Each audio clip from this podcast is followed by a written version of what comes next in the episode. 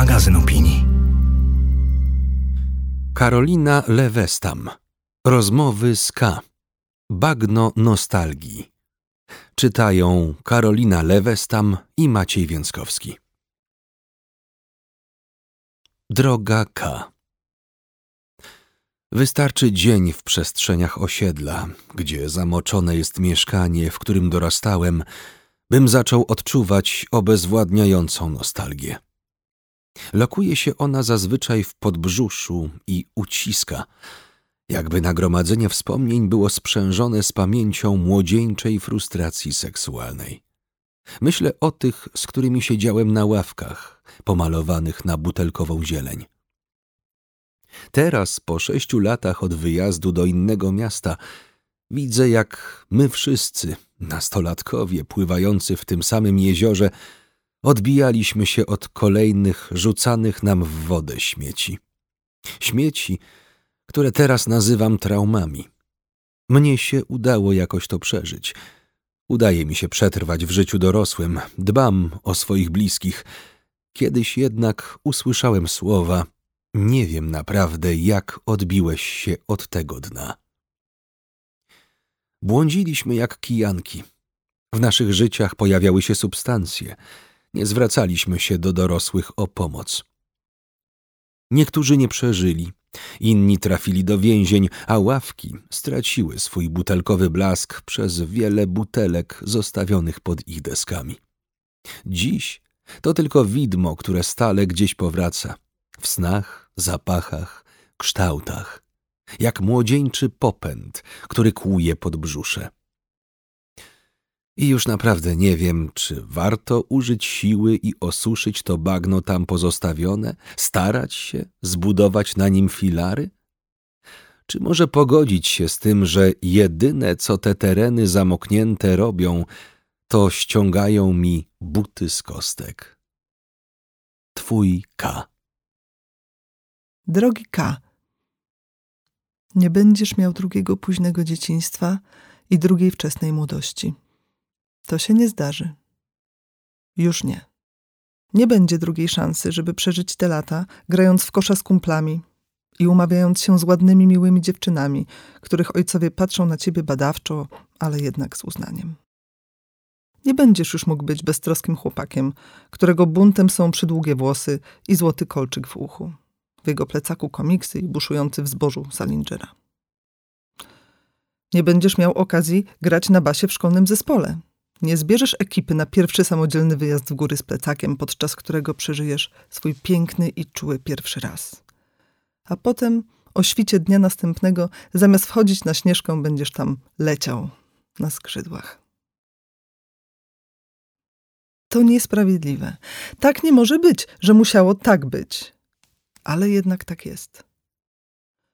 Mój drogi K, pytasz mnie o to, czy budować coś na zgliszczach. Ale czuję, że tak najbardziej ze wszystkiego potrzeba ci żałoby.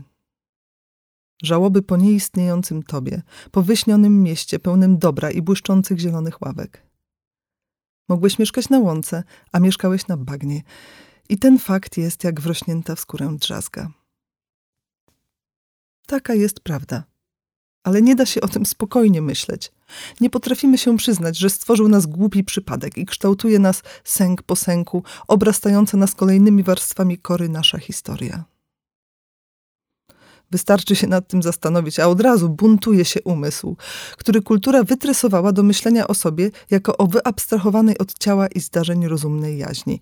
To zresztą problem związany z pewną konfuzją filozoficzną, której symbolem jest Kartezjusz. Pomyślka, jego myślą więc jestem, to niemal to samo, co do istnienia wystarczy mi myślenie. Odetnijcie mi ręce i nogi, ba, wyjmijcie mi mózg z czaszki i wsadźcie do kadzi z elektrodami, a będę istniał nadal. Właściwie taki sam. Zabierzcie mi zdarzenia, w których byłem, klasę społeczną, płeć, a nadal będę istnieć. Wciąż będę to ja. Ja jest wieczne i niezmienne. Ja oprze się wszystkiemu. Ja mogło wzrosnąć na łące czy na bagnie, ale jeśli się postaramy, będzie to wciąż tak samo racjonalnie myślące ja. No ale nie. Tak nie będzie. I twoje ja zawsze będzie chłopakiem, który odbijał się od śmieci i nie miał do kogo pójść z żadną ze swoich traum. Tak jak moje, na zawsze zostanie bardzo samotnym dzieckiem, z wszechświatem rojeń i niespełnionych prostych pragnień. Pochylmy się nad tym cicho i pomódlmy się za siebie do Boga albo weter. A potem niech przyjdzie ta ostatnia faza żałoby akceptacja. Potem dopiero możesz tam naprawdę wrócić, bo będziesz umiał, brodząc po podmokłej ziemi, zadbać przede wszystkim o siebie.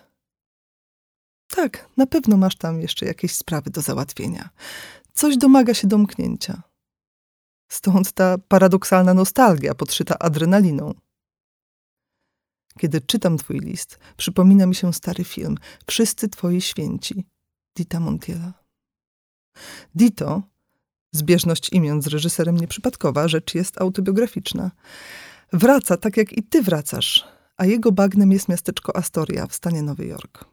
I tak jak twoje, jego też jest pełne śmieci i traum.